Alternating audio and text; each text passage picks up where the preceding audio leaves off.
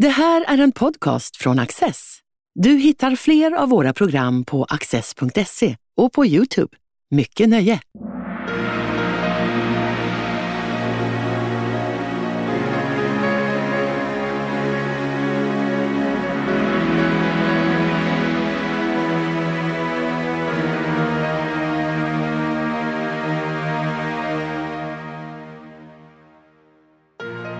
Den 6 december 1917 avgav den finländska lantdagen en ensidig självständighetsförklaring.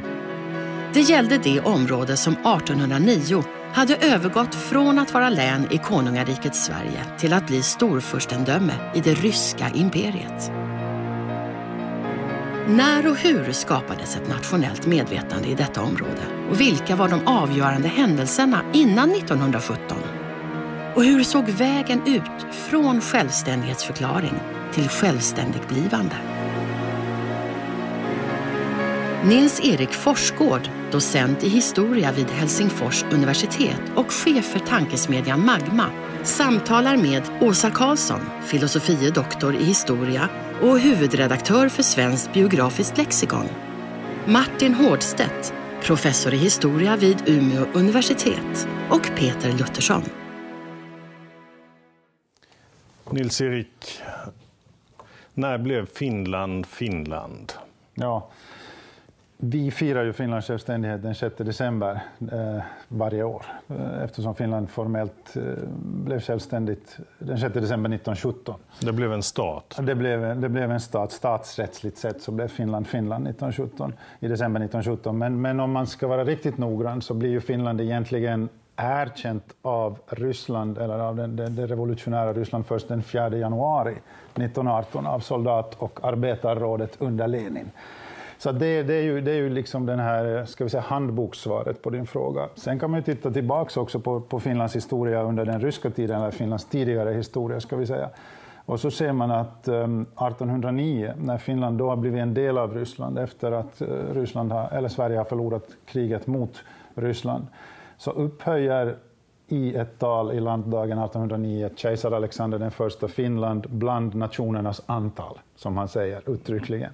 Så då kan man ju tänka sig att det här kunde också vara en startpunkt för att ge ett svar på din fråga. Eh, men så, att, så att det beror lite grann på... För tidigare hade Finland varit en del av, eh, av Sverige som vilken annan del som helst. Eh, när Kari Tarkiainen skriver om Finlands svenska historia så heter den delen av Finlands svenska historia Sveriges Österland. Ja, precis. Och, och Finland som namn kan man kanske tala mycket om när det uppkommer och så, men i princip var det ju sex svenska län mm. eh, i öster med en del andra restområden uppe i norr där på eh, en, en bit av Lappland och Västerbotten och sen Åland förstås, som blev Finland. Ja, för Sverige förlorar ju, när, när Finland går förlorat 1809 så förlorar Sverige, och jag tror inte att jag är långt från sanningen om jag säger att man förlorar en tredjedel av sin geografiska yta och en fjärdedel av befolkningen. Så ur svensk synvinkel är naturligtvis 1808-1809 en, en problematisk händelse, det vet vi också. Det skapar ett litet nationellt trauma i Sverige eh, under de första decennierna åtminstone av 1800-talet. Men för Finland innebär det naturligtvis en startpunkten för någonting nytt. Och frågan som du ställde här i början är ju det, vad innebär detta nya egentligen då efter 1809 när Finland har upphöjts till nationernas antal? Jo, Finland blir, som det formellt heter, ett autonomt storfurstendöme under Ryssland, som en del av Ryssland. Det betyder väldigt vittgående självstyre. Det betyder att skatterna betalar man inte till Sankt Petersburg. Tidigare hade Finland betalat skatter till Stockholm, men nu får man behålla alla skatteintäkter bland annat. Kejsaren styr över Finland visserligen, men han gör det med hjälp av av, eh, ska vi säga, ett slags assistenter. I Finland heter assistenten eller kejsarens ställföreträdare då generalguvernör. Så att det skapas en, en långgående autonomi och man kan säga att från 1809, den första landdagen, till 1850-60-talet så får Finland leva i, en ganska, i ganska stort lugn och ro. Hur ser man i Sverige på det där, Åsa? Eh, vilken blir den svenska reaktionen på förlusten på Finland? Ja, den blir ju väldigt kraftig.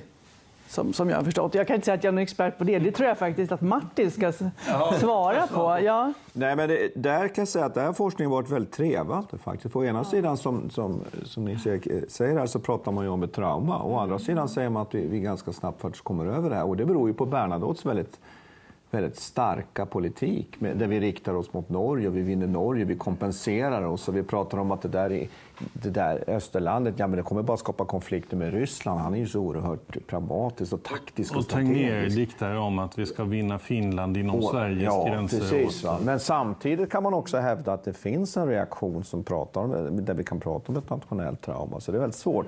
Men vi ska också komma ihåg att det sopas bort mycket 1809 i Sverige. Vi ska inte fördjupa oss i Sverige här nu. Va? Men, och, det är 1809 års män och det här och de skriver ju historien också ska vi komma ihåg.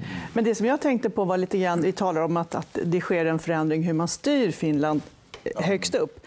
Men där nere så lever väl egentligen samma administration och administratörer kvar i stor I väldigt utsträckning, stor utsträckning, eller hur? Ja. Som sagt, det svenska systemet egentligen. Den finska lantdagen, som alltså idag kallas för riksdag, mm. den sammanträder inte en enda gång mellan åren 1809 och 1863. Och då kan man fråga sig vad händer under den här tiden? Ja, Finland styrs av kejsaren i Sankt Petersburg och hans ställföreträdare, generalguvernören i Finland. Och Finland har sedan en egen representation, en kejsarlig senat som den kallas, som föredrar ärenden i Sankt Petersburg via en kommitté för finska ärenden som då sköter finska ärenden och kejsaren. Det är den som leds av Armfelt? Ja, och många andra senare. Ja, senare. Ja, precis.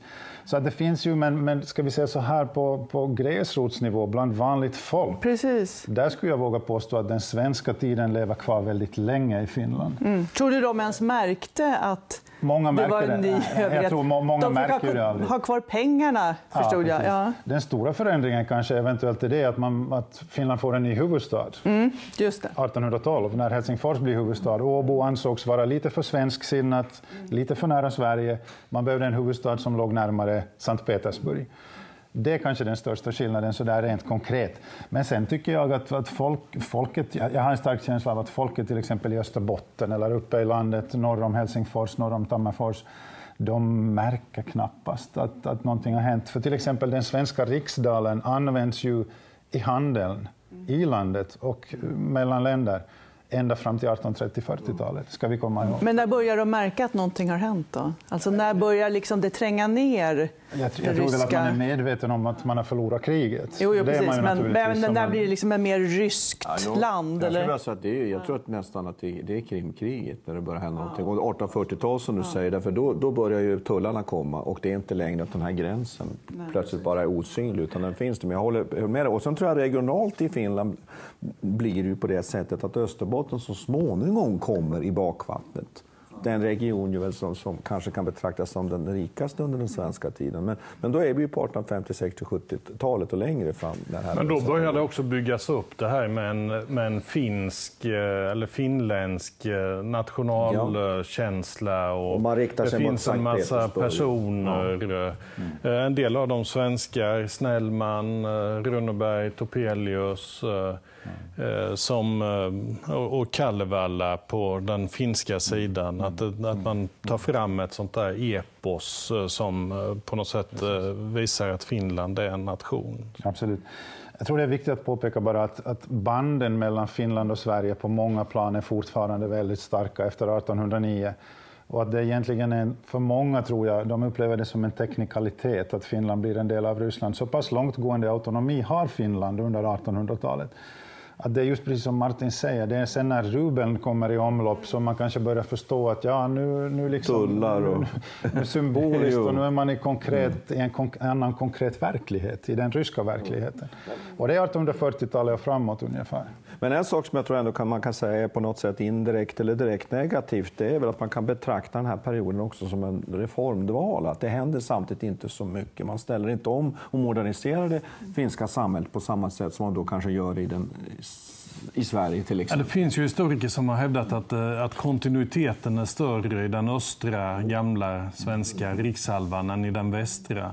Och om man ska söka en förklaring på det så är väl en förklaring att eh, bevara vissa svenska institutioner och lagar och sådant det, det garanterar eh, ja, relativ autonomi för Finland. Och därför ligger det ju kvar eh, väldigt länge. Mycket av. Men det är väl just på lokalplanet som det är tydligast? För det är klart att centralt så Ja, försöker man väl ändå ta lite grepp? Samtidigt som när man, när, man, eh, när man väl blir en självständig stat så finns det ju lagar man kan kan eh, åberopa sig på. Paragraf 38 i grundlagen från 1772 i Sverige. Den är fortfarande gällande i Finland. Så att eh, det finns liksom sånt där att plocka upp ur hatten historiskt. Alltså, men det är precis som du säger, den stora livlinan om man tänker på Finlands 1800-tal och fram till 1917. Den stora livlinan för Finland och det finska folket det är den svenska tiden och de svenska grundlagarna från 1772, Gustav IIIs grundlagar. Det är de som så att säga håller Finland i konstitutionellt liv egentligen under autonomins tid. Och det, blir, och det aktualiseras framförallt sen åren 1917 och 1918. När vi kommer fram till självständighetstiden, då har man kanske den allra största nyttan mm. av att en gång ha tillhört Sverige. Och att 1809 har fått ett löfte om att det är de svenska grundlagarna och religionen som ska gälla, den lutherska religionen som ska gälla i Finland och det finns i Finland som en del av det ryska riket. Det är en viktig poäng. Kan man också säga att eh, det här svenska arvet hjälper Finland att också fortsätta vara en självständig stat när många av de här andra randstaterna liksom dras in i det sovjetiska imperiet igen så lyckas man ju ändå behålla det är ju hundra år nästa år, det är inte för de precis. andra. Men som svenskspråkig finländare vill man ju gärna tycka att det är så här. Absolut. Ja. Eh, så för vi, en, en av de starka faktorerna i Finlands 1800-tal det är ju faktiskt det att det svenska språket förblir ett maktspråk i Finland. Det blir det ledande, förblir det ledande maktspråket, elitens språk i Finland. Och det är också en viktig poäng. När, när, när eh, sedan den ryske kejsaren Nikolaj II, eller Alexander III Nikolaj II, Eh, börjar med sina förryskningsåtgärder, Sovjet, en av de första sakerna de tar itu med det är ju att förryska landet genom språket, genom att göra ryskan till officiellt språk. Ända fram till slutet av 1800-talet kan man ju säga att det svenska språket gör att Finland och finsk nationalism, finskspråkig nationalism inte nödvändigtvis uppfattas som ett hot i Sankt Petersburg. Nu måste vi börja för nu förflyttar vi oss i kronologin där. Alltså de här, eh, allting är ju personberoende. Alexander den andre är då en Eh, kejsare som ser till att den här autonomin, eller rättare sagt han förhindrar inte att autonomin, autonomin fungerar ute i samhället. Så. Han står också staty på Senatstorget i Helsingfors och den där stora gatan som går där heter Alexanderboulevarden. Heter den inte det? Uh, Alexandersgatan i Helsingfors. Alexandersgatan, ja. Mm. Mm. Men, men sedan blev det ju nya kejsare och, och i slutet slutet av 1800-talet så inträder eh, det här försöket att vad ska säga, lägga mer tryck på Finland att bli ryskt. Om du tillåter mig en liten sån här kronologisk äh, paketering här, som, som kanske kan vara bra som jag, att komma ihåg.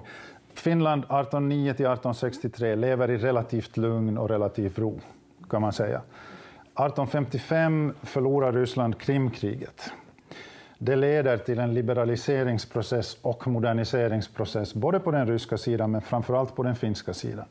Finland får ett eget mynt. Eh, 1863 genom det så kallade språkreskriptet bestämmer man att det finska språket in, under en övergångsperiod på 20 år ska jämställas med det svenska språket, alltså fram till 1883.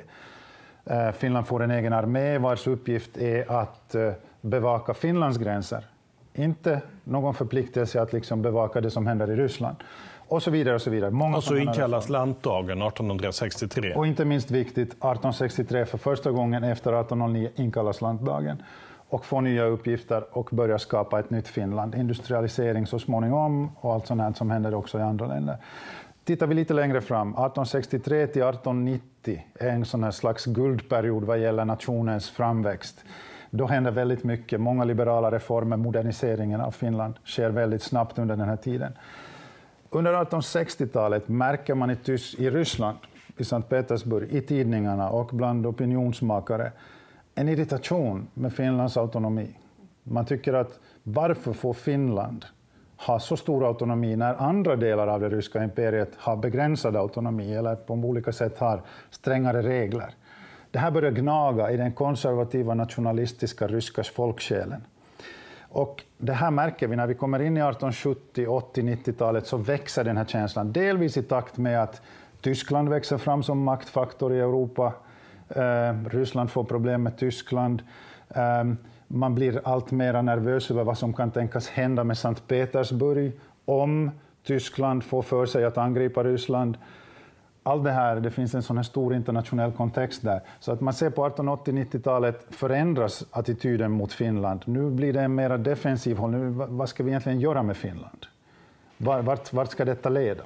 Och då inträder en massa sådana där saker. Man får en aktivistisk generalguvernör med väldigt starkt mandat. Militärerna. Man skickar dit militärer plötsligt på plats i Finland. Man bygger ut försvaret kring Sankt Petersburg och så vidare. Man snörper åt. Och I slutet av 1890-talet kommer det här februarimanifestet som, mm. ja, som blir vad ska vi säga, själva deklarationen för en förryskningspolitik. Man lyfter också formellt makten och besluten till Sankt Petersburg plötsligt på ett nytt. Men vad händer sen, Åsa? Ja, sen skjuter man ju, eller man har ihjäl Bobrikov och reaktionen på det blir ju allmän och lika rösträtt, alltså att lantdagen eh, jag får väl över tre miljoner röstberättigade bara, eller väldigt stor grupp ja, i alla fall på en gång. Inte så många, 1,3 kanske det var. Ja. Både män och kvinnor, första i världen jag tycker det är fascinerande att detta blir liksom reaktionen för att hålla finnarna lugna, att man inför kvinnlig rösträtt. Det är ett oerhört, det är ett oerhört stort kast. Jag tycker det också. Sen, ja. Men samtidigt måste det ju betyda att det fanns, så att säga, en, det uppstår ju inte, kan ju inte uppstå ur intet. Det måste finnas ett rop på det någonstans, en, en önskan om det någonstans ja. i Finland. Men då, skulle, ja, men då skulle jag vilja göra en reflektion, och då är det ju de här utrikespolitiska krigen som ju så starkt påverkar. För då har vi Krimkriget som sätter igång en liberalisering liberalisering av det ryska som påverkar Finland. Här har vi nu, och nu har vi rysk-japanska rysk kriget. Och nu senare sen har vi första världskriget ju, som påverkar det här skeendet där ju Ryssland ligger väldigt illa till med revolution hemma, på hemmaplan. Det genomförs ju en, en, en uddlös dumareform och så vidare. Men du måste hålla Om vi ska sätta årtal på det bara, ska jag säga att Bobrikov skjuts 1904. 1904. Mm, och 1906. Och 1906 kommer. är det här valet. Och däremellan är Men kvinnlig rösträtt är inte det självklara svaret på att Ryssland Nej. har många jobbiga Nej. krig. Alltså det, det, måste finnas andra faktorer. Jag tycker det är väldigt spännande och det, man hittar inte så mycket förklaringar i litteraturen. Nej, men så är det. Men om jag bara får kort återgå till min paketering så ser man alltså det som, det som vi är inne på här. 1809 1863, ganska lugn period. 1863 till 1890, en framgångsrik period. Från slutet av 1890-talet fram egentligen till första världskriget med ett kort interregnum 1958 är en förryskningsperiod i Finland. Och detta korta interregnum inrymmer just det som ni var inne på. just. Eh, Finland får en, en, en, en reformerad eh, landdag. Och många av de här förryskningsåtgärderna som hade införts i slutet av 1890-talet tas tillbaks temporärt. Sedan återkommer de igen eh, med förnyad styrka. Och sedan, sedan, kan man väl säga det om den där lantdagen, att dess makt är ju ändå villkorad. För tsaren kan när som helst eh, inlägga sitt veto eller upplösa lantdagen. Så att, det, det är en riksdag, men den, ja, den, den lever på kejsarens goda vilja. Så. Men i linje med det du sa, kan man då, hur mycket är det, det vad ska jag säga, interna kraven, längtan efter självständighet som driver på? Och hur mycket är det att det är det yttre kriget, kollapsen i Ryssland som gör att självständigheten deklareras? Hur, hur ser vi som på det? Ger, som ger förutsättningar? Ja. Hur? Det, är en, det är en svår process att ja. beskriva väldigt kort och kortfattat. Den är svår att beskriva till och med när man sitter och skriver böcker. Ja, den, den, är, den, är, så pass mångfacetterad. Den här. Men man kan ju säga, jag menar, i slutet av 1800-talet grundas det social, socialdemokratiska partiet i Finland, eller formellt får det väl det namnet först 1903.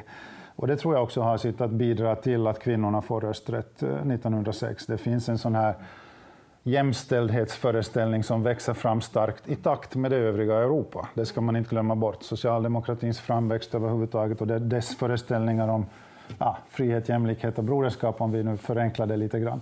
Ehm, så den finns där. Och sen när vi, går, när vi kommer lite längre fram så kan man ju säga, Martin var inne på det redan, Finlands öde formas i stor utsträckning av de ryska krigen. Krimkriget som sagt, rysk, eh, rysk-japanska kriget 1904-05 och sen kommer världskriget. Och Finland trängs här, eller liksom Finland befinner sig här i en position mellan Ryssland och Tyskland. Och vi kan se i Finland från början av 1900-talet en växande vurm för det tyska. En växande känsla för det tyska som tar sig många, väldigt många olika uttryck också i konsten till exempel och många andra plan. Eh, så att det, det, det byggs sakteliga från sekelskiftet upp en föreställning om att Tyskland är framtidens maktfaktor.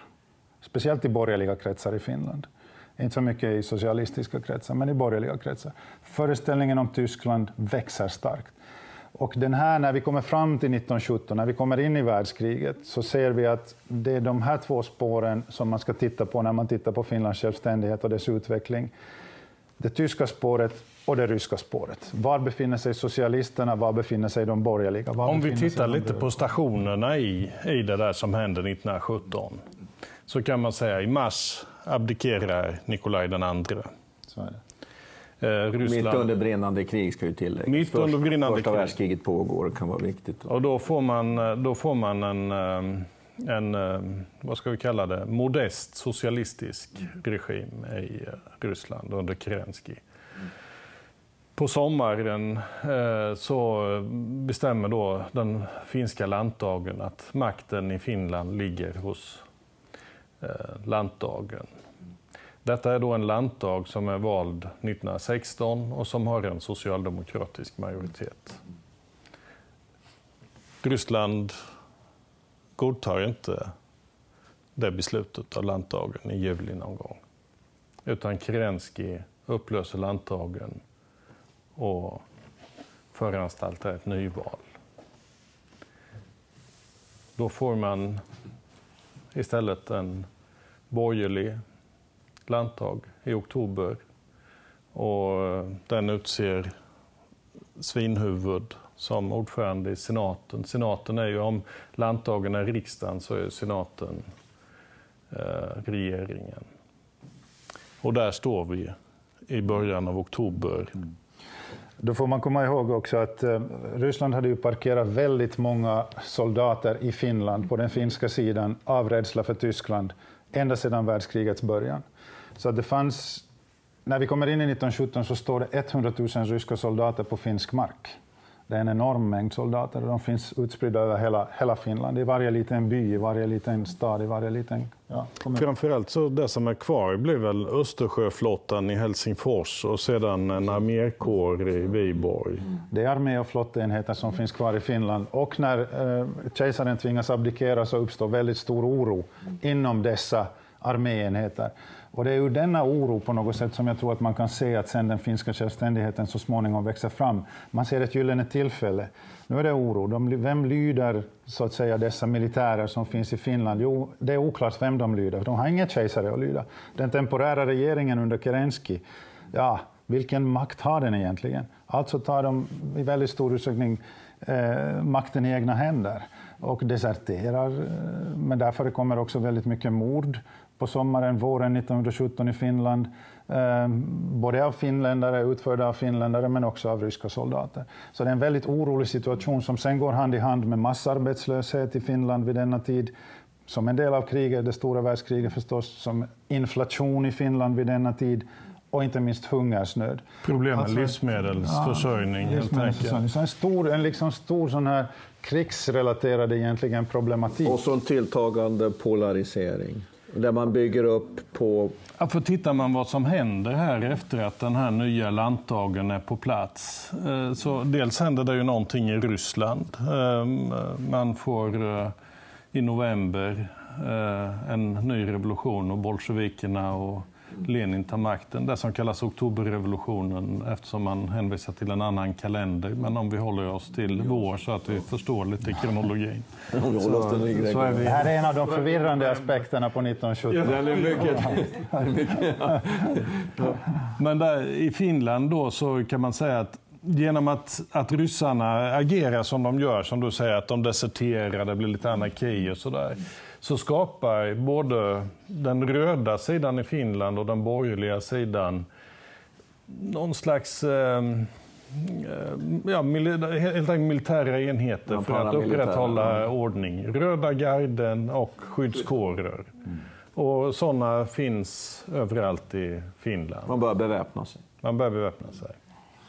Allmän anarki helt enkelt. Till detta hör du att så fort uh, Lenin tar makten så börjar han tala om folkens självbestämmande rätt.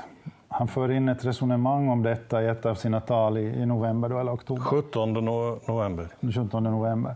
Och uh, ur detta springer då en föreställning om att detta gäller naturligtvis också Finland. Detta gäller eh, ja, de lösa så att säga, satelliterna kring det ryska imperiet. Det kommer i slutändan inte att gälla alla, det gäller några, men inte alla. Så att Finland får kraft ur det här. Men när vi tittar nu med historiens efterklokhet på detta, så vad är det, vad är det Lenin egentligen säger? Jo, det är ett psykologiskt trick som han utför där. Han säger att ja, visst ska Finland få självständighet, men hans baktanke är den att när Finland väl har fått självständighet så ska man småningom, under en röd regim då förstås, mm. när man väl har fått självständighet så ska man småningom komma krypande tillbaks till Ryssland, till moderlandet och begära om att få ungefär samma status som tidigare. Det, det finns ett psykologiskt trick där. Här händer ju vissa saker. Alltså, dels så är den här generalstrejken i Finland i november, ja, där det ändå begås rätt mycket politiska mord av de röda. Ja.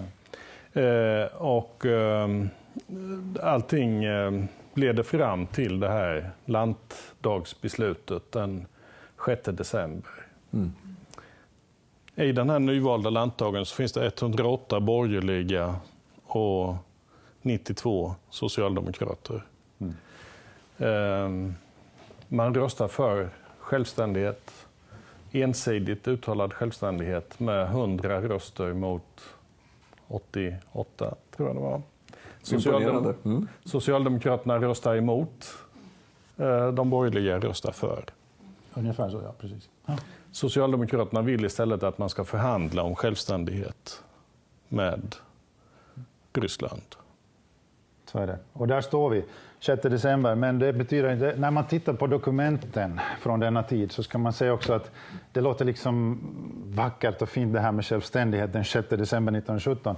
Men när man tittar, läser tidningarna i december 1917 så finns det knappt en rad om det här i de finska tidningarna det här är en, en, liksom en grej som sker där i, i lantdagen och utför senaten och så vidare. Det är, liksom en, det, det är ingenting som uppfattas av samtiden som någonting dramatiskt eller extra eller spännande, vilket kanske beror delvis på att vi befinner oss i väldigt oroliga tider. Mm. Och inte ens då när Lenins soldat och arbetarråd, eller arbetar och soldatråd, 4 januari 1918 slutligen stadfäster eller godkänner självständigheten uppmärksammas det här på något sätt. Utan det blir liksom mera en process som på något sätt uppfattas som naturlig, att så här har det gått nu. Så här befinner vi oss och så fortsätter vi och gör det bästa av det vi vi kan. För det är ju inte bara de eh, i januari, utan Sverige och Frankrike är först med att erkänna Finland som eh, en Sverige, stat Sverige, också. Sverige tvekar ju lite grann där, det får vi komma ihåg. Sveriges hållning till Finland under de här tiderna är ju lite ambivalent. Men de gör det den 4 januari? Det kommer den 4 januari, men Frankrike är först ute och sen kommer Tyskland och några andra, men, men britter ah, och amerikaner. Tyskland tror jag var den sjätte. Men, Tyskland eh, sjätte idag. Mm. Ja, men lite, ambivalens, lite ambivalens från svensk sida i alla fall. Man, man vill vänta tills det är formellt beslutet fattat beslut och så vidare. Och eh, vill inte, för redan i december 1917 gör den finska regeringen en framstöt till den svenska regeringen, till svenska kungen, om att, eh, att, att, att Finland ska få använda diplomatiska beskickningar, svenska diplomatiska beskickningar för sina egna ändamål och att svenskarna ska hjälpa till att skapa en finsk armé. Men då kommer det kalla handen från Sverige. Nu får Martin sista ordet. Ja, det man väl kan säga är väl att det, det här är ju spelet här uppe i de breda befolkningslagren så finns det starka motsättningar i finska samhället. Vi ska återkomma till det i ett senare samtal. Ja, det skulle kunna bli en slutkommentar. Tack så mycket.